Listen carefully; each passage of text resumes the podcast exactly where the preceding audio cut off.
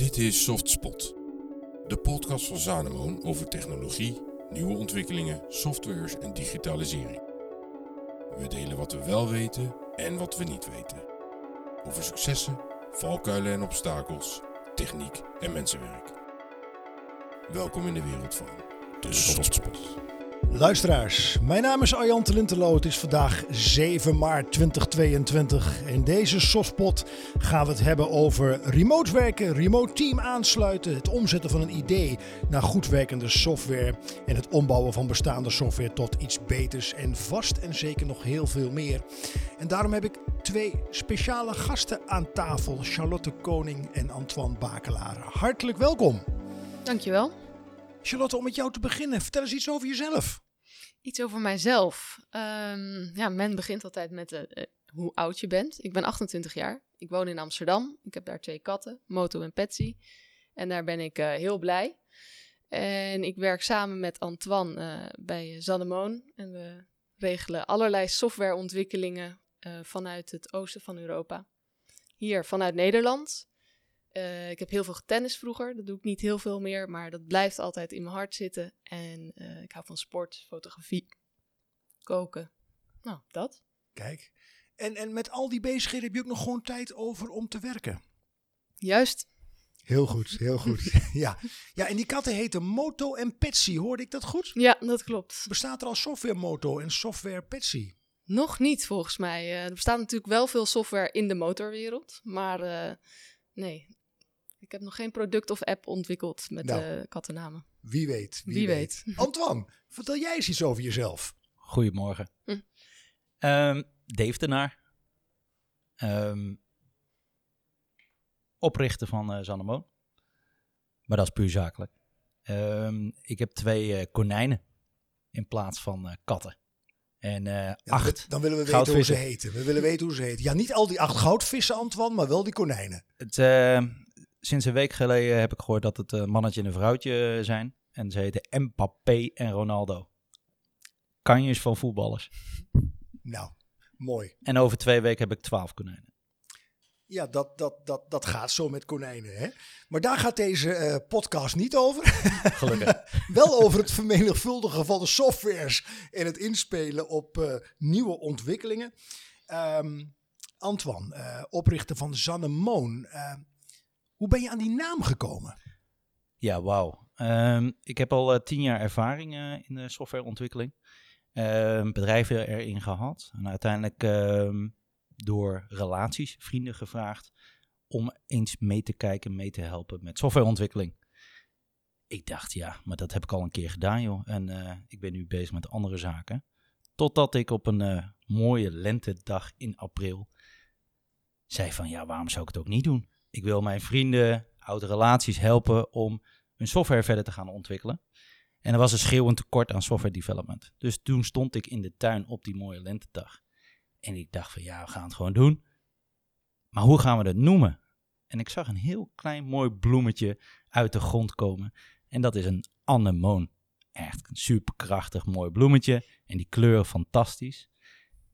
Dus ik denk, hé, hey, uh, anemoon.com direct claimen, vastleggen. Maar zoals dat je denk ik wel uh, begrijpt, die was al geclaimd. Dus ik ben eigenlijk verder het alfabet uh, er, ervoor gaan zetten. Dus uh, kwam op Bannemoon, Sannemoon, Kannemoon, Vannemoon.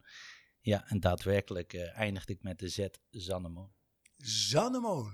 Ja. ja, de Z voor Annemoon. Klinkt een mooie, goed, Ja, toch? een mooie klinkende naam. Um, Charlotte, als je even kijkt naar, naar jouw expertise, dan kom ik op termen als data science en AI. Klopt. Uh, voor de leken onder ons, van die luisteren ook. Uh, kun je daar kort iets over vertellen? Ja, zeker. Ik kan uh, vooral vertellen hoe ik erin ben gerold. Dat is uh, eigenlijk vanuit mijn interesse van, van de mens, en vooral het denken, de hersenen. En um, zo kwam ik in het ziekenhuis te werken en deed, ik deed ik daar onderzoek. En toen kwam ik erachter dat een mens soms eigenlijk niets meer is dan zijn of haar data. En dat dat heel veel data is. Uh, je hebt data over de persoon zelf natuurlijk, um, maar ook over de functies van de mens, maar ook vooral over de hersenen, waar ik dan het meest geïnteresseerd in was en ben. En uh, een grote MRI of een MEG-scan is eigenlijk weer alleen maar data. Dus ik merkte dat ik uh, zoveel data aan het analyseren was en dat ik dat zo leuk vond en daar zoveel mee kon. Dus data alleen is leuk, maar je moet het natuurlijk kunnen verwerken en kunnen interpreteren. En op basis daarvan weer inzichten maken. Ja, dat vond ik het allerleukst. Leuk, klinkt goed. Uh, verrassende koppeling ook. Hè? De mens, uh, zeg je het zo goed, de mens als verzameling data. Ja, eigenlijk wel. En dat, dat klinkt heel plat, maar er zit heel veel in. En dat vind ik altijd leuk, vooral als het om ontwikkeling gaat. Dus je hebt eerst inzicht, inzichten nodig, maar uh, vanuit daar kan je natuurlijk verbeteren en ontwikkelen. En dat vind ik mooi. Hoe kijk je dan aan, Charlotte? Want dat is het leuke aan dit gesprek zo aan tafel. We zouden het ook aan de keukentafel kunnen voeren. Goed idee. Um, altijd. Um, ik heb eens gelezen dat uh, de, de snelste en modernste computer nog niet dat kan wat de hersenen kunnen. Dus de data koppel ik aan draadjes en aan uh, stroompjes, hè, om het maar in, uh, ja. in eenvoudige taal te zeggen voor nu. Um, hoe kijk jij er dan tegenaan vanuit jouw achtergrond en expertise? Nou, vanuit de achtergrond zou ik zeggen uh, dat klopt, omdat de computer is eigenlijk zo slim als de mens die hem bedient of programmeert. Uh, zo, zo zie ik het in ieder geval. Uh, de computer is echt wel de mens aan het verslaan, maar dat is op basis van snelheid en rekenkracht. Dus een computer kan eh, ontelbaar veel sneller uitrekenen wat wij kunnen als mens. Maar als wij die computer niet de mogelijkheid geven om dat te doen, ja, dan is een, uh, is een mens veel slimmer. Een mens kan verbanden leggen die niet per se direct iets met elkaar te maken hebben. Een computer kan dat alleen als hij heel veel training heeft gehad. En op die manier uh, zou ik zeggen dat een mens heeft emoties, ervaringen, kan verbanden leggen. Ja, dat is wel echt heel slim. Dat is gelijk een mooi bruggetje naar AI. Ja. Artificial Intelligence, Klopt. kunstmatige intelligentie in het Nederlands. Ja, en in wat, wat onderzoek ter voorbereiding op deze uh, podcast um, kom ik toch wel tegen online dat mensen er ook wel angstig voor zijn. Kun je daar iets bij voorstellen? Ik kan me daar zeker iets bij voorstellen. Um, omdat... Is die angst ook terecht? Ik denk dat angst uh, kan een hele rationele, maar ook vooral een irrationele raadgever zijn. En ik denk in dit geval dat het irrationeel is, omdat wij um, de AI goed moeten dichtbouwen en zorgen dat het niet uh, een loop met zichzelf neemt, zeg maar. Als je gewoon je code goed dichtbouwt en ook zorgt wat de computer niet mag doen, dan zal dat niet heel snel gebeuren. Maar ik weet ook dat ontwikkeling heel snel gaat. Dus het is voor mij nu heel moeilijk, zeker omdat ik een beetje uit het vak ben en echt uit de diepte literatuur, ook moeilijk om te zeggen dat dat nooit gaat gebeuren. Ja, en heeft dat ook te maken met, met, met nou ja, uh, bijvoorbeeld regimes op de wereld die er andere toepassingen voor zouden kunnen dan dat, wel willen bedenken? Dat zou zeker kunnen. Dat, dat, uh, dat zie je vaker, dat, dat extreem slimme hackers met een goede bedoeling helpen de hele wereld. En uh, extreem goede hackers met een minder goede bedoeling kunnen ook heel veel belangrijke dingen platleggen. en daar is wel een hele dunne lijn tussen hoe het zou kunnen gaan. Ik heb zo meteen dat we hier al een aparte podcast aan zouden uh, kunnen Absoluut, wijden. Maar misschien komt dat nog. Wel heel mooi, uh, Charlotte, dat je ons even meeneemt in een stukje achtergrond uh, en interesse. Um, Antoine, begonnen als idee, geïnspireerd door een bloemetje bij jou in de tuin. De anemoon, dat werd zannemoon. Um, waar sta je nu met het bedrijf? Inmiddels zijn we in het Oost-Europa drie kantoren rijker. Um, en in Nederland twee kantoren rijker een prachtige club van 70 uh, man helpen wij Nederlandse IT-bedrijven aan software development. Dus ja, waar staan we nu? Um, best wel krachtig, met een prachtig managementteam. En verzorgen wij goede begeleiding voor onze developers. Um, ja, ik had echt niet kunnen dromen dat we ja, een, van die mooie lentedag dat we hier nu zijn goed om te horen. Um, als je dan kijkt naar het hier en nu, ik uh, introduceer al even, het is vandaag uh, 7 maart 2022. Wat zijn topics die nu leven in, in, in jouw wereld? Ja, laten we beginnen dat het uh, nu uh, oorlogstijd is in Oekraïne en in Oost-Europa. Maar eigenlijk is het uh, ook oorlog in heel de wereld. Dat is denk ik de eerste hot topic. Uh, waar wij verschrikkelijk veel aandacht geven aan al onze mensen die daar actief werken, wonen, leven, families, vrienden. Um, ja, het is nu de periode dat dat een, een hele andere tijd is. Um, voor die tijd was er eh, de hot topic dat er extreme tekort was aan eh, development capaciteit. Ook over de hele wereld. Dus dat eh, zijn de twee hoogste topics. Klinkt dat misschien onterecht? ehm, het komt op mij over als een soort tegenstelling. Of, of, of... Ja, het is echt een vo- volledige ehm, ehm, ja, tegenstrijdigheden die er dus eh, nu zijn. Ehm, neemt niet weg dat het eh, toch eh, bij elkaar brengt. Ehm, kijk, wij zijn enorme verbinders. En ehm, wij helpen met onze mensen uit Oost-Europa. bedrijven die op zoek zijn naar een goede invulling. En dan zou je zeggen, ja, maar dan ligt eigenlijk het hele bedrijf stil. Ja, dat is dus volledig niet waar, want development gaat door. En uh, meest ook het belangrijkste is, is dat de mensen uh, vragen of dat wij ze kunnen helpen. Niet aan uh, humanitaire goederen of help, of, maar voornamelijk om hun de toekomst te geven, om hun werk aan te bieden. Hun toekomst is niet werk. Hun toekomst is te leven met hun families en in, in het hier en nu. En daarvoor hebben ze werk nodig. Ja, ja en, en, en als je dan kijkt naar vandaag, eh, Giro 555, een hele grote actie op 7 maart dit jaar 2022.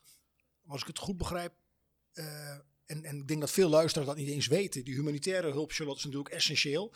Maar eigenlijk is het voeden van jullie mensen daar met werken eigenlijk, ja, misschien wel uh, naast veiligheid een eerste behoefte. Zie ik het zo goed? Ik denk dat je het heel goed uh, ziet en benoemt zoals je het nu zegt. Want uh, Giro 555, de humanitaire hulp, is extreem belangrijk. Extreem belangrijk voor de steden Zeker. die zijn aangevallen. Voor de burgers die hun huis kwijt zijn of hun spullen kwijt zijn of zijn gevlucht.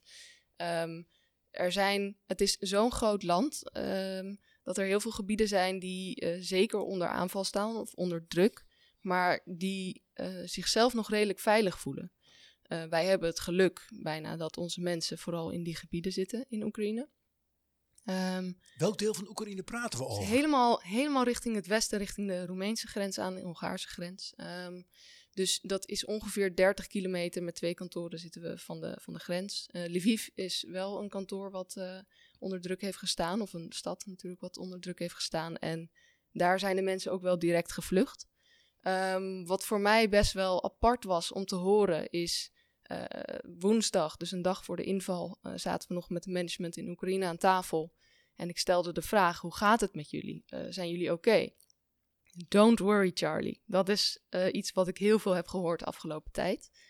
dat is het oosten. Wij zitten echt in het puntje van het westen. Het komt helemaal goed. Ze zijn al tien jaar daar aan de frontlinie. we zijn het gewend. Dus ik denk: oké, nou, in die zin zijn zij ook de experts, iedereen die daar woont. Dus ik dacht, oké, het, is, uh, het is goed. Uh, een dag later uh, bellen Antoine en ik elkaar en zeggen we, het is niet goed hè, dit eh, gaat helemaal mis. En wij bellen ze bij wijze van spreken wakker die dag daarna en zeggen, het is helemaal mis in je land. Nog steeds horen wij het geluid, ja, het is helemaal mis. Dat, dat laat ik daar duidelijk over zijn. Dat ontkennen ze niet. Alleen ze voelen zich nog steeds heel veilig op hun plek. Ze zeggen, wij blijven werken, wij blijven werken, wij blijven werken. Geef ons alsjeblieft meer werk. We gaan iedereen uit de gebieden opvangen die nou, heeft moeten vluchten. Die is op zoek naar werk. Um, wij kunnen dit aan. Dat vond ik wel, uh, de eerste drie dagen denk ik wel dat ik daar heel veel moeite mee had om dat op die manier te zien. Maar we draaien nu alweer 10, 11 dagen en ik denk, oh ja, dat is eigenlijk heel logisch. Waar komt die, uh, als je kijkt naar culturen van landen, daar gaan we zo meteen nog verder over spreken. Uh, waar komt die zienswijze, denk jij, vandaan? Ik denk omdat zij zo uh, groter zijn geworden. Zij hebben zo de groei meegemaakt in hun land, maar ook voor hunzelf, voor hun families. Zij onderhouden heel veel mensen, hun vrienden en families. En ik denk dat als je als land zo zelfstandig wordt, um, door middel van te werken en goede salarissen te verdienen, dan, dan zie je dat ook weer als kans, denk ik, om er weer uit te komen. Of om deze tijd door te komen. Ja, dat is dus een, een, een een soort DNA wat je als land in je hebt. Ja, ja en een soort trots inwoners, ook. trots ja. ook vooral. Ja. Absoluut. Ze werken erg hard. Ze hebben erg een, een, een, sterke mentaliteit. En ze zijn trots op hun land. Dat is ook wel de reden waarom uh, ze juist daar wilden blijven werken. En zeggen, nee, we, we, hoeven alleen het werk. En we vinden het fantastisch om hier te wonen. Nou, goed om te horen. Uh, Het, werken met opdrachtgevers en medewerkers uit verschillende landen en culturen. Ja, niemand had een paar weken geleden kunnen voorzien dat het deze wending zou krijgen. Uh, Antoine, je hebt een ontdekkingsreis, een soort ontdekkingsreis langs uh, verschillende IT-landen gemaakt. Welke landen zijn dat zoal? Wow. Uh, Wit-Rusland, Indonesië, ehm, Roemenië, Polen, Servië, Oekraïne, Portugal, Spanje. De laatste twee is wel een mooi vakantieland overigens. Uh, maar verder uh, echt een uh, ontdekkingsreis. En eigenlijk kwam dat in 2014. Toen hadden we ook al kantoor in Oekraïne. En toen was de annexatie van de Krim. Dus deze periode hebben onze mensen daarvoor en nu ook al meegemaakt. En dat was eigenlijk de reden dat mijn reis door Europa en daarbuiten ging. Om ook plan B in, in stelling te brengen. Dus zodoende weet ik ook wat uh, andere culturen zijn en hoe andere mensen werken. En wat was dan plan B, even voor de luisteraars? Annexatie van de Krim was ook van, er kan zomaar oorlog komen. En als je aan opdrachtgevers toch wel een toekomst wil bieden dat ze hun software kunnen door blijven ontwikkelen, ja, kan je niet zeggen van, uh, ik kijk niet verder over andere grenzen om dus jullie softwareontwikkeling door te laten gaan. Dus door de ondernemersbril bekeken, dat roept er bij me op. Uh, al jaren hebben we het over wendbaarheid, hè? Agile, zo'n hippe term. Klopt. Um, mooi. Uh, wordt veel onderwezen, ook in Nederland. Hè? Ook op, op hogescholen en op universiteiten. Maar ja, je moet het maar wel kunnen. Ja, kijk, um, ik praat vooral met ondernemers. En ondernemers met een droom en een idee en een kans. En die willen iets ontwikkelen. Waar het ook vandaan komt. Of doorontwikkelen. Um, en die hebben een doel 1 januari 2023 uh, wil ik het af hebben. Of mijn klanten willen dat die software doorontwikkeld wordt met een nieuwe feature. Of, uh, en dat is eigenlijk hun grootste doel. En samen kan je alleen maar helpen om te zeggen: oké, wij staan achter dat grote doel. Bijvoorbeeld over een jaar moet X software applicatie af zijn. Dan geef je een bepaalde commitment. En die commitment geef je ook aan je mensen. En die mensen kunnen dus in Nederland zitten. Maar wij hebben ervoor gekozen om dat in Oost-Europa te situeren. Dus de helpen in bepaalde software teams. Straks iemand uit Roemenië en Servië en Oekraïne, maar ook vanuit Tsjechië. Dus die, die, uh, die grenzen die zijn er gewoon niet meer. Ja. En het commitment dus wat je met een opdrachtgever doet, dus de wendbaarheid, is eigenlijk elkaar beloven om dat doel dus te behalen. Die hou ik nog even vast voor zometeen, uh, want ik wil even nog bij die verschillende landen en culturen blijven. Charlotte, in jouw introductie had je het over je tennisverleden. Uh, Toen al veel um, zeg maar ervaring opgedaan met andere landen? Ja, toen echt uh, extreem veel eigenlijk. Eh, de toernooien die je speelt uh, zijn vooral ook in Nederland, maar op een gegeven moment ga je toch ook buiten de grenzen spelen. En um, in Nederland zijn er genoeg goede tennissers, maar echt uit, het oost, uit de oostelijke landen nog veel meer. Dus ik heb daar veel tegen um, Oekraïense, maar ook Russische, meisjes gespeeld toen de tijd. Uh, Servische, is echt een, land waar veel goede tennissers vandaan komen. Dus op dat moment ben je nog uh, tien jaar of elf of twaalf en je spreekt eigenlijk nog net Engels, maar veel meer is het niet. Dus dat is heel mooi wel om te zien, dat ook als je dubbelt met iemand, als je met z'n twee op het veld staat, ja, je moet toch kunnen communiceren. Dus je leert elkaar best wel snel kennen door, door in elkaars vaarwater eigenlijk mee te gaan. Dat, dat, brengt me op, op, op, op woorden als samenwerken en samen leren. Hè? Uh, ja, zeker. Ja, ja, En, en, en waar iedereen uh, in geïnteresseerd is. Uh, we weten dat het handig is, dat het zelfs nodig is. Alleen, hoe doe je dat dan? En, en vanuit, beginnend bij jou Charlotte, jouw internationale ervaring vanuit de sport. Ja, hoe bouw je dan een, een, een team wat grensoverschrijdend is? Wat kun je daarover zeggen? Mooi gezegd. Um, ik denk dat uit ervaring zou ik kunnen zeggen is dat je uh, een zekere basis moet hebben. Dus je moet bepaalde mensen die eigenlijk hetzelfde denken op een belangrijk aspect. Ik denk dat dat, het, dat, dat een uh, groot punt is. Als ik dat terugtrek naar mijn tennisverleden. Ik heb daar in Amerika gespeeld en ik was de enige Nederlandse in mijn vier jaren daar. En veel met Russische, Oekraïense, Servische, maar ook Zweedse, Deense uh, meisjes gespeeld. Um, en wat wij allemaal wilden was ook weer dat doel. Dus wij wilden de top 50 van Amerika halen met ons team. En dat hebben we ook gehaald. En we hebben de nationale kampioenschappen daar gehaald. En dat eh, geeft al zo'n drive om elkaar beter te leren kennen. Zowel onze goede punten als onze minder goede punten. Want hoe, hoe beter je die weet te benoemen, hoe beter je daar ook weer op kan inspelen. En dus ik denk dat een, een, een één driver heel, heel belangrijk is. Daarnaast moet je ook een bepaalde openheid, denk ik, uh, creëren in een team. Want niet iedereen zal goed met elkaar omgaan, is de verwachting, gewoon statistiek gezien.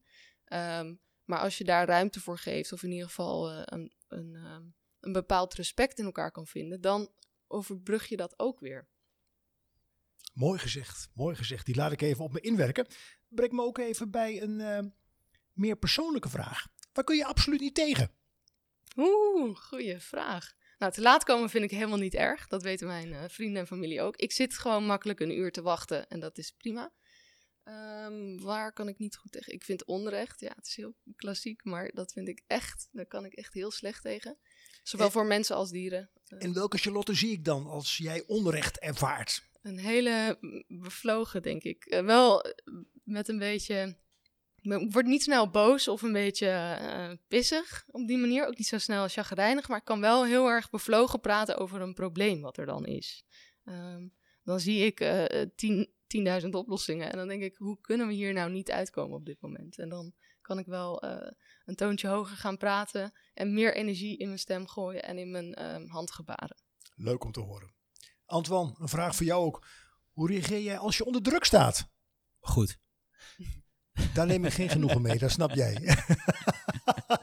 Dacht je even goed weg te komen? Nee, ik kan uh, redelijk uit de situatie stappen. Uh, als het druk wordt of uh, spannend wordt om uh, er net een stapje uit te stappen en het dan te controleren. Ja, en, en, en, en, en hoe doe je dat dan? Want heel veel mensen hebben daar gewoon heel veel moeite mee. Um, nou, wat ik van mezelf dan mag zeggen, is dat ik best wel uh, zaken kan loslaten. Dus door dingen niet alles zelf te doen, maar los te laten. En uh, bijvoorbeeld Charlotte um, of andere collega's, die pakken dat heel mooi over. Maar ook opdrachtgevers. Um, ik doe het uiteindelijk niet alleen, maar samen. En door, doordat andere uh, mensen je overal in helpen, kan je er makkelijker uitstappen. Ja, ja dat, uh, dat is het. wel. Ja, dat is echt goed. mooi, ja. mooi. Ja. Charlotte, in het begin heb ik het gehad over AI, hè? Artificial Intelligence, voor de luisteraars die iets later zijn aangehaakt. Um, ben benieuwd. Beschrijf AI eens aan iemand uit de 19e eeuw. Wauw. Dat is een mooie, verrassende vraag. Um, Oké, okay. ik ga het proberen. Doe eens een poging. Ja, ik zal het kort houden.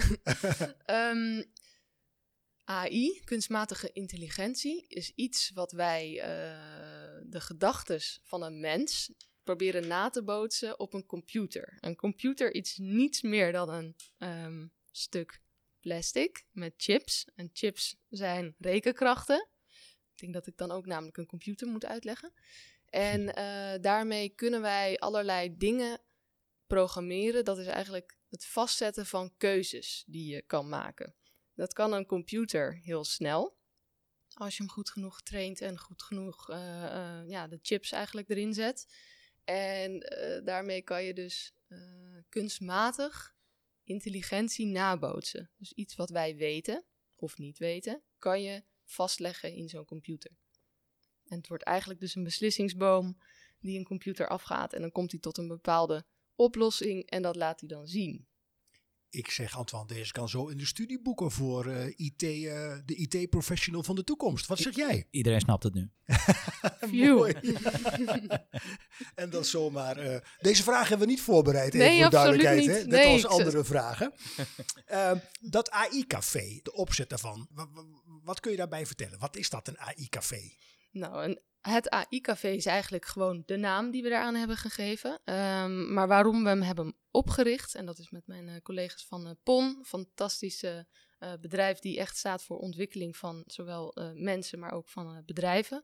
Um, zij, wat we merkten is dat er heel veel ontwikkelaars en data scientists en iedereen die iets met ontwikkeling doet binnen dat bedrijf in hun eigen hokje begon te programmeren. Dus tegen zijn eigen problemen aanliep, maar ook dat weer zelf ging oplossen. Um, dus waarin de developer community, iedereen die dat doet, die weet dat er heel veel communities zijn waarin je elkaar gaat helpen. Dat is vaak online. Er zijn ook bepaalde websites die daar erg goed in zijn. Um, die, dat, dat speelde eigenlijk niet binnen dat bedrijf. En wij wilden juist die mensen samenbrengen. Want als wij een oplossing hebben gevonden voor een moeilijk probleem, dan kan het heel goed zijn dat er drie, vier, vijf bedrijven de komende maanden daar hetzelfde mee doen. Wij wilden dus eigenlijk aangeven, wij hebben een oplossing gevonden. Dat gaan we aan jullie presenteren, aan de community van het AI-café. En iedereen die het nog niet weet, die mag komen. Of iedereen die het leuk vindt om te luisteren naar hoe wij dingen oppakken en hoe we dat oplossen, die is hartstikke welkom. En zo is dat eigenlijk een soort ontmoetingsplek geworden voor het delen van kennis. En wil je, wil je in de, in de Zandermoon setting uh, ook iets soortgelijks gaan doen? Absoluut. Ik doe het eigenlijk al veel binnen mijn team zelf. Um, ik, ik, ik, lees heel veel. Ik, zoek veel op het internet. Ik blijf me uh, op die manier denk ik wel ontwikkelen. Um, en als ik dan iets nieuws vind, een handig trucje of uh, een nieuwe softwareontwikkeling die er is, of een nieuwe feature, zo noem je dat, dan stuur ik dat altijd even door met een uitlegfilmpje erbij. Dus dat kan, omdat we veel ook remote werken met ons team, kan dat heel goed. Maar ik blijf dat, ik, ik blijf dat denk ik wel, uh, wel doen. En ook misschien wel middels deze podcast wil ik eigenlijk andere jonge ondernemers of uh, in de technologie ook een beetje een platform geven om hun kennis te delen. En dan even een klein uh, bruggetje. In een andere podcast gaan we daar nog dieper op in. Maar als je nou kijkt naar de, de, de nieuwe generatie uh, mensen die, die mooie studies volgen. Heb jij het idee dat uh, IT in de meest brede zin hip is onder jongeren, maar vooral ook onder meisjes, onder jonge vrouwen? Of is dat nog echt een mannenwereld? Mm, het wordt wel wat hipper, denk ik, ook onder meisjes. Um, dat zie je wel vaker met, uh, met de ontwikkeling van studenten die zich aanmelden. Um, in mijn studie, uh, wat dan meer hersenonderzoek was, was ook wel programmeren, uh, kwam aan bod. En daar zie je dan toch, omdat het een zorgkant is, nog wel iets meer meisjes. Maar ik denk de, de harde ICT-wereld is toch, ik zeg het al, hard. Um, de, niks bedoelend over mannelijke uh, eigenschappen. Maar ik denk dat het wel iets meer mannelijk is. Stel dan, Charlotte, dat jij door onze minister van Onderwijs, die zelf uit de wetenschappelijke hoek komt, dat jou gevraagd zou worden, joh, uh, even de ambtelijke taal, formeer als een denktank of een stuurgroep of een beleidsgroep, vergeet die woorden maar. En uh, Charlotte, je hoeft niet in beperkingen te denken van welke aard dan ook. Hoe zou jij dan dat vorm gaan geven? Dat meer jonge meiden uh, zich interesseren voor techniek of voor IT, om het nog specifieker te maken. Wat is daarvoor nodig? Dat is eigenlijk mijn vraag. Oeh, ik denk dat het daarvoor nodig is om uh, meer kennis te delen over hoe leuk het is in deze wereld. Um, ik denk dat er toch vaak wordt gekeken naar een wereld van achter de computer zitten met je capuchon op. En um, dat deed ik ook tijdens mijn studietijd, als ik me dan echt moest focussen. Maar uh, er is echt een hele grote andere wereld. We spreken zoveel mensen. Antoine en ik zitten echt dagelijks met extreem leuke, slimme mensen aan tafel. En ik merk dat als je gaat voor een betere wereld, uh, dus als je van ontwikkeling houdt op het breedste vlak, dan kan je eigenlijk gewoon een week meelopen, mag ook met mij, mag met iemand anders in het vak, om te zien hoe dicht je eigenlijk bij uh, de wereld zit als je in dit vak zit. Dus er wordt vaak gedacht, je zit achter je computer en je sluit je bijna af van de wereld. Maar ik denk dat als je echt meeloopt en als wij ook meer kennis gaan delen, dat dat echt wel duidelijk wordt dat het helemaal niet zo is. Nou, dat delen zeker ook gewoon al direct op de werkvloer. Inderdaad, je denkt dat uh, developers alleen maar achter een computer met cola en een donkere ruimte met pizza zit. En energy enorm... drink, hè? Energy drink. Ja, dat is een goeie. Ja, ja. En uh, uh, als je zo'n rol geeft binnen een organisatie, wat we dus al doen in, uh, in onze kantoren, is dat ze bijvoorbeeld eerst op een functie komen als een recruiter of HR of uh, een manager die tussen account manager of een project manager zit. Die wist van tevoren niet waar die terecht zou komen en ontmoet uiteindelijk de IT-wereld. Um, dus wat Charlie ook zegt, is het wordt echt uh, een bekende wereld voor hun. En uh, wat je bijvoorbeeld extreem goed ziet in design, ja, in de designwereld uh, wordt meer en meer worden er vrouwelijke developers ingezet. Ja. Dus je ziet daar wel al een verandering komen, maar het bekend laten worden van IT, ja, dat is stap 1. Gaat het, ik hoor nog, maar misschien onterecht, wat, wat voorzichtigheid in wat jullie zeggen. Ik heb de indruk dat het veel te langzaam gaat allemaal. allemaal.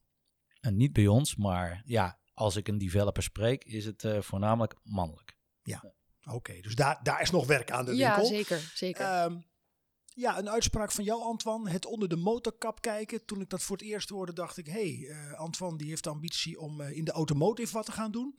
Ehm, maar jij bedoelt het anders. Hè? Dus nu, nu geef je eh, jongeren die dat willen al de gelegenheid... om binnen Zannemoon onder de motorkap te kijken. Dat is meer de interne kant. Maar je bedoelt het vooral ook aan klantzijde. Hè? Eh, wij willen echt onder de motorkap kijken. Wat bedoel je daarmee? Ja, dat klopt. Ik heb inderdaad niet de ambities om een eh, automonteur te worden. Ehm, maar wat wij doen is voornamelijk de vraag stellen bij onze klanten of relaties. Ehm, men is een keer begonnen bijvoorbeeld met software ontwikkelen. Of men gaat een keer beginnen met on- ontwikkelen van een eh, softwareplatform of een app. Ehm, wat wij doen is technische vragen stellen over waar hij naartoe wilt of waar hij nu staat. Eh, dus eh, het voorbeeld onder de motorkap kijken, waar ben je nu daadwerkelijk mee bezig? Dus wat ontwikkel je? Eh, wat heb je bijvoorbeeld in de afgelopen jaren ontwikkeld? Ben je ooit ergens een keer begonnen vijf jaar geleden en eh, is dat eigenlijk helemaal niet meer waar je staat? Maar het kan ook zo zijn dat je misschien wel je bedrijf wil verkopen. En dat je dus een herontwikkeling van je software moet hebben, want anders krijg je dan de straatstenen niet kwijt. Dus er zijn, eh, dit zijn eigenlijk alleen maar vragen wat niet over software gaat. En wat bijzonder is, is dat er gewoon 40.000 eh, al openstaande vacatures staan eh, in Nederland in de IT. Dus mensen zijn op zoek naar IT-engineers. En eh, ja, geven eigenlijk een eh, cv-voorbeeld van ik ben op zoek naar developer X of developer Y met het schaap met de vijf poten. Totdat je de vraag stelt, maar wat ben je nou aan het ontwikkelen? Of wat was de droom van jouw ontwikkeling in jouw software? Laat me eens zien wat je aan het doen bent. Een soort met rapportje kunnen wij opmaken om te zeggen van, nou ja, hier zou ik wat aandacht geven, eh, dit zou ik eh, meer gaan ontwikkelen. En waar je uiteindelijk echt naar op zoek bent, is misschien wel dit. Of heb je hier wel eens over nagedacht? Het grappige is dat we er uiteindelijk niet meer over de techniek praten, of over productiviteit, hoe snel kan iemand iets bouwen achter zo'n computer, maar voornamelijk waar die naartoe wil. En dat verandert eigenlijk heel de, heel de, heel de zaak. En, en in welke mate is die, die aanpak of zienswijze, Charlotte, eh, uniek in jullie wereld? Nou, uniek weet ik niet eh, of dat het beste woord is. Maar ik denk wel waar wij in ons onderscheiden is dat wij en de capaciteit kunnen leveren, maar ook vooraf al kunnen bekijken met de klant eigenlijk eh, waar wil je naartoe, wat Antoine net mooi zei. En ik denk dat er wel bedrijven zijn die hebben gespecialiseerd op, op het een, dus bijvoorbeeld consultancy in de IT, of het ander. En dat is slechts de mankracht leveren. En ik denk dat we met ons managementteam en ook zeker in de delen van Oost-Europa al echt heel ver zijn om dat allemaal in huis te hebben. Het lijkt me heel logisch als je kijkt naar de nabije toekomst. Jazeker. Ja. Ja. En, en dat brengt me dan gelijk even aan klantzijde. Ehm, heel concreet, wat, wat verlangt een klant nu eigenlijk van een softwareleverancier? Wat kun je daarbij zeggen? Dat het afraakt en snel. Dat is wel de eerste verwachting, denk ik. En ehm, hoe ik het tot nu toe merk, is dat de verwachting misschien niet eens is dat ze ten alle tijde worden bijgestaan, maar dat dat wel het geval is. Ehm, dus als er iets niet goed gaat, bijvoorbeeld eh, je hebt heel veel tickets en errors en je komt er niet doorheen, dan kunnen wij bijvoorbeeld kijken, heb je dan iemand extra's nodig? Of red je het op deze manier? Of zullen we je doelen bijstellen? Ehm, de verwachting is dat ze goed contact hebben met hun developers. Dus ja, ze zitten op afstand vaak, maar of ze vliegen er zelf naartoe, of ze halen de developers af en toe een week naar Nederland. En verder spreken ze elkaar gewoon elke ochtend in de stand-ups.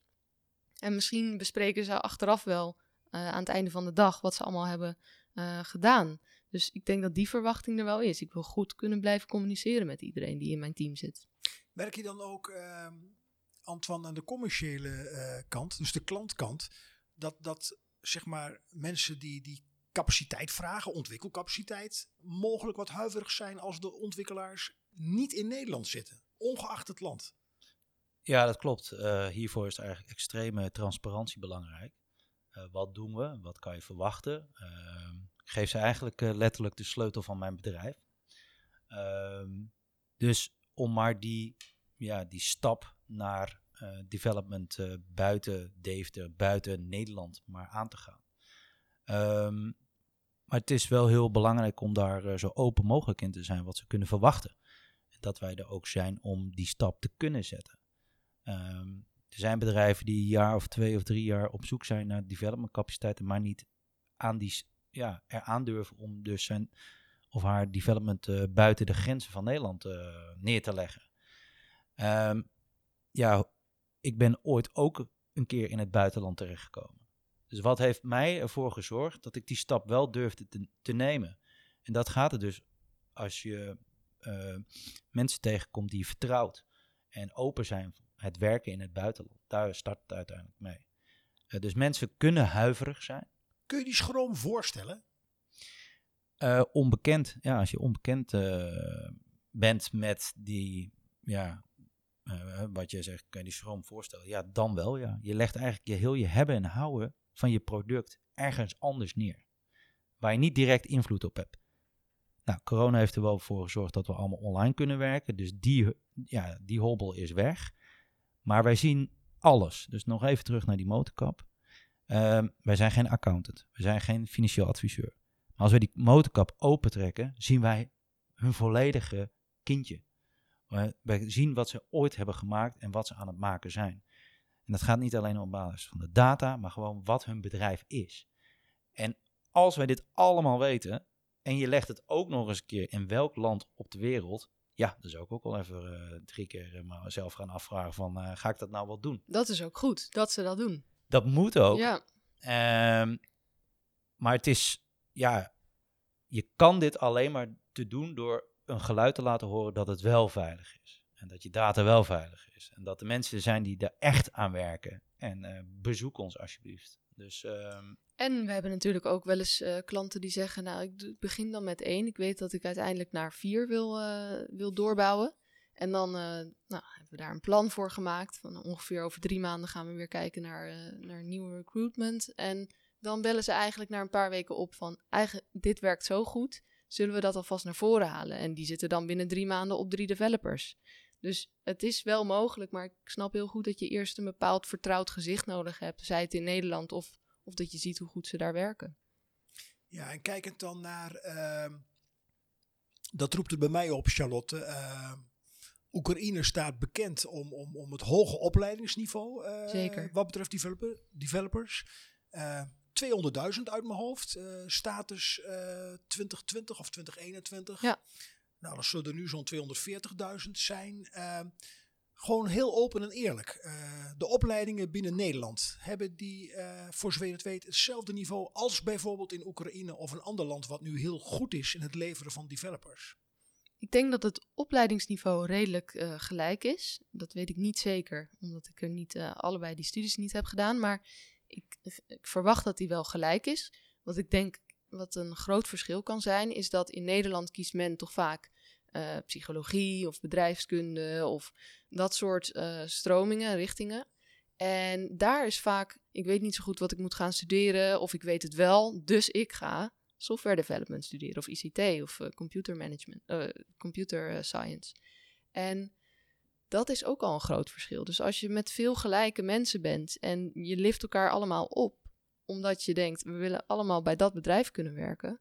Ik denk dat dat ook goed is voor de ontwikkeling van een eh, developer. Is er dan ook een, eh, Antoine, een, een, een, ja, misschien zet ik het wat te zwaar aan, een imagoprobleem. Dus even heel, heel extreem gesproken, dat mag natuurlijk in de softspot. Ehm, eh, je gaf het zelf al aan, ontwikkelaars, eh, je ziet een zaal vol met hoodies, eh, Ja. een chaos aan laptops en draden en dat doet maar wat. ja, bepaalde bedrijven hebben natuurlijk al slechte ervaring met bepaalde landen. Ehm, dus ja, dat is natuurlijk heel vervelend als daar een imago-schade is gekomen. Ehm, maar ja, hoeveel landen hebben ze geprobeerd? Of hoeveel bedrijven hebben ze geprobeerd? Misschien hebben ze één keer fout op een land X eh, gezet en ehm, ja, durven ze dus nu niet meer. Ja, er is wel een eh, imago-schade gekomen. Ja. En terugkomend op wat eh, Charlie zegt, dus Ja, uiteindelijk... niks is fijner om uiteindelijk eh, bij een bedrijf aan de slag te komen. En dat helpt IT. Je kan gewoon op afstand werken. Het is geen beroep waar je eh, op het land moet werken of in de kast moet werken of eh, met taal, een andere taal. Want iedereen spreekt Engels. En je kan op afstand werken. Dus van ieder Oost-Europees land denkt, hé, hey, wacht eens even, er is hartstikke veel vraag naar. En ik kan gewoon thuis werken of op kantoor werken in mijn eigen land. Waarom blijf ik hier niet? En waarom kan ik niet gewoon de studie volgen hier in mijn eigen land? Want ik kan gewoon op afstand werken. Ja. Het, doordat we in het Engels eh, werken, ehm, op afstand kunnen werken, is dat voor jongeren natuurlijk onwijs interessant om gewoon hier eh, een studie in te gaan volgen. In welk land je ook werkt. Ehm, ja, dat is wel interessant. En, en, en als we dan kijken naar de toekomst, hè, want eh, het thema eh, leent zich ervoor om gerust nog een uur eh, aan de tafel hier door te praten. Wie weet komt er nog een vervolg op.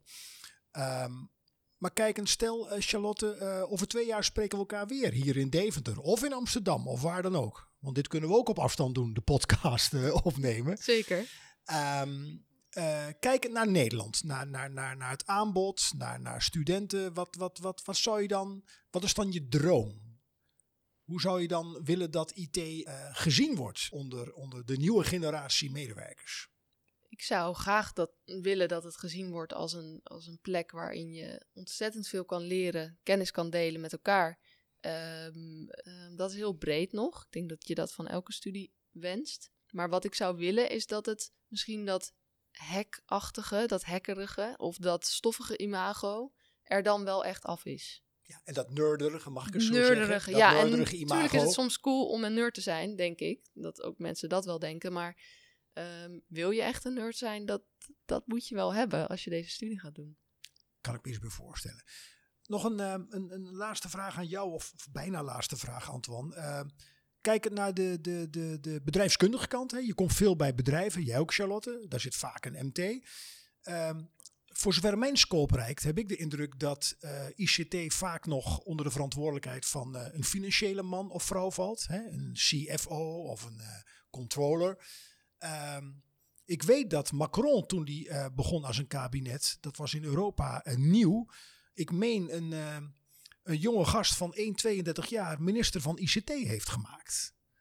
En dan kijk ik naar ons nieuwe kabinet, wat er nog niet zo lang zit. Heb jij de indruk dat ICT echt op de agenda staat binnen zowel bedrijven, maar ook de overheid? En ik heb het over de Nederlandse scope.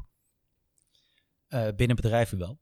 Uh, degene binnen bedrijven die over het uh, aannemen van personeel of uh, ICT of IT gaat, dat zijn dus voornamelijk een, een CTO, dus technisch, dus niet meer financieel. Um, of een CEO, of uiteindelijk ook zie je binnen bedrijven dat teams, dus gewoon een software team, waar ze ook vandaan komen, die nemen de verantwoordelijkheid. Dat is al heel erg anders en ligt niet meer op high-level management niveau. Um, of dat het op de um, kaart staat van uh, Nederlandse uh, overheid of semi-overheid. Dat denk ik niet. Ik denk ook niet dat men die snelheid maakt in verschillende rollen binnen de IT. Uh, want IT heb je een nerd, CQ, vakman, vakvrouw. maar je hebt de lagen daarboven, hoe je met elkaar samenwerkt, die veranderen. Dus hoe je een team samenstelt, hoe je een team controleert, hoe productief die kan zijn. Dus een hele nieuwe laag zit daaronder. En er zijn bedrijven heel actief met high performance teams. Dus hoe performt je team? Dat is volgens mij extreem belangrijk. En zie ik nou niet in overheid of semi-overheid terugkomen. Ja. Dus daar, Charlotte, ik zie je knikken. Uh, vandaar dat ik het even benoem, want de luisteraars horen ons alleen. Uh, wil jij er nog iets op aanvullen? Ik meende even te bespeuren dat je iets aan wilde vullen. Oh, ik was vooral ook aandachtig aan het luisteren, denk ik. Uh, en aan het meeknikken, dat klopt ook. Um, nou, nee, ik denk dat wat Antoine goed zegt, is dat je hebt steeds meer teamleads of technical leads die eigenlijk die rol overnemen van oké, dit is nu mijn hub binnen een bedrijf of dit is mijn bedrijf en ik kan dit allemaal aan. En ik denk dat um, het bijna zo is dat een CEO die wat beter is in het bedrijfsmatige juist een teamlead zo kan volgen omdat die vaak ook communicatief erg goed is en heel helder kan uitleggen waar het uh, staat met de software of met de technologische ontwikkeling. En heb jij dan ook het idee dat binnen uh, de top van veel bedrijven en organisaties uh, dat daar die teamleads of andere mensen ook echt de ruimte in krijgen? Ik heb het idee dat dat steeds meer gebeurt. Ja, dat er echt een positie bijna wordt vrijgemaakt voor diegene die de connectie maakt tussen het ontwikkelen van een bedrijf op, op financieel vlak bijvoorbeeld, of op technisch vlak. En die daar eigenlijk kan meepraten op dat managementniveau, uh, terwijl die ook naar, kan praten naar zijn team, of met zijn team eigenlijk. Ik denk dat het heel integraal is als het goed werkt. Mooi, mooi. Um, Antoine, richting een einde van deze softspot. Uh, actueel, ik heb bewust gezegd dat het vandaag 7 maart 2022 is. Even terug naar ja, jullie twee vestigingen in Oekraïne. Ehm, ja, ehm, wat, wat, wat, wat, wat, wat, wat wens je de mensen toe en waar hebben ze nu eigenlijk behoefte aan? Kun je het nog wat spitser maken, wat scherper maken? Werk gaf je al aan, hè? Naast natuurlijk de humanitaire hulp. Uh, waar vandaag alle aandacht voor is. Maar uh, wat, wat, wat, wat kun je er nog meer bij zeggen? Ja, um, blijf vertrouwen in ze houden. Blijf ze supporten, maar blijf voornamelijk werk geven aan ze. En uh, in ons geval betekent dat gewoon IT. Dus IT-opdrachten geven. maar overal voor Oekraïne dan. Blijf ook gewoon handel met Oekraïne doen. Uh, in welke vorm dan ook, in welke sector of business dan ook. Want zij hebben het geld hard nodig. Zodoende kunnen ze hun families onderhouden, zo kunnen ze het land verder opbouwen. Um, in plaats van uh, overheidssteun te krijgen. En doordat je ze aan het werk houdt, krijgen ze een salaris. En van het salaris kunnen ze ook weer lokale activiteiten ondersteunen. Eh, voor nu belangrijk in deze tijd van oorlog, maar ook over een jaar en over twee jaar. Want daardoor help je ze echt. Ja, zeker laten we het hopen als er weer een wederopbouw aan de gang is. Dat is nu nog veel te vroeg op deze dag, 7 maart 2022, maar helder. Um, en Charlotte, jullie hebben ook als Sannemon, uh, jullie nemen je verantwoordelijkheid, maar hebben ook een actie op touw gezet, hè? Klopt. Um, nou, vind ik wel belangrijk om te noemen, uh, want er is veel aandacht voor. Wat houdt die actie in? die actie houdt in, is dat, uh, dat heeft eigenlijk te maken met mijn eerste gedachte toen ze zeiden: geef ons alsjeblieft meer werk. Dacht ik, hè, werk nu? Um, dat, daar hebben we eigenlijk juist een actie van gemaakt. Uh, we merken dat, um, dat we daar echt iets voor moesten opzetten, omdat het niet heel uh, natuurlijk klinkt. Dus we hebben een actie Stop War Not Work um, bedacht waarin we de developers eigenlijk een steuntje in de rug kunnen geven als zij zichzelf inzetten voor bijvoorbeeld het uh, helpen van, beveiligen van de Oekraïense instellingen en systemen op softwarevlak. Um, zij zullen dat af en toe in hun eigen tijd doen, s'avonds als ze al een hele dag hebben gewerkt. Of wij zeggen af en toe ook, neem de ruimte om de laatste twee uurtjes daar aan te werken. Um, wij willen dat, die verantwoordelijk eigenlijk niet alleen bij de bedrijven of onze klanten neerleggen. We willen dat eigenlijk bij ons neerleggen. Vandaar dat wij die actie hebben opgestart en nu langzamerhand geld aan het inzamelen zijn om die beloning eigenlijk door te geven aan alle developers daar. En Stop War Not Work, kernachtig uh, verwoord in vier woorden. Stel een luisteraar zegt, daar wil ik wel iets mee doen. Kan, is dat ook online te vinden? En Zeker. Dat, ik heb hem aangemaakt op whydonate.com, dacht ik. ik. We kunnen het misschien in de show notes zetten wat de, de precieze link is. Um, en uh, volgens mij ben ik tot nu toe nog de enige met Stop War Not Work. Dus als je googelt zou je hem ook moeten kunnen vinden. Dus ik zie een hashtag in wording, Stop War Not Work. Ik hoop het. Powered by Zannemon. Ja, absoluut. Oké. Okay. Ja, dat brengt ons uh, langzaam maar zeker bij uh, het einde van deze uh, softspot. Um, Charlotte, eerst aan, als eerste aan jou de vraag. wat, wat, wat wil je onze luisteraars nog meegeven? Heb je nog een, een, een boodschap? Kom meelopen met mensen in de IT. Mag bij ons, bel ons, mail ons. Um, als het allemaal weer veilig is, kan je ook met ons in de trein stappen of in het vliegtuig naar, de, naar onze werkers daar. En um, stop war not work. Dat is heel mooi. Antoine, aan jou het laatste woord, het bijna laatste woord. Bijna het laatste woord. Laat dat mooie bloemetje groeien. Ja, nou dat sluit heel mooi aan. Uh, ik bombardeer maar even nu bij de hashtag Stop War Not Work. Het zou heel mooi zijn dat we deze hashtag trending kunnen krijgen. Whydonate.com en uh, ga er maar vanuit dat die klopt. Ja, dat brengt ons bij het einde van deze Softspot. Luisteraars, dank jullie wel voor het luisteren. En ik sluit af met de woorden tot de volgende Softspot.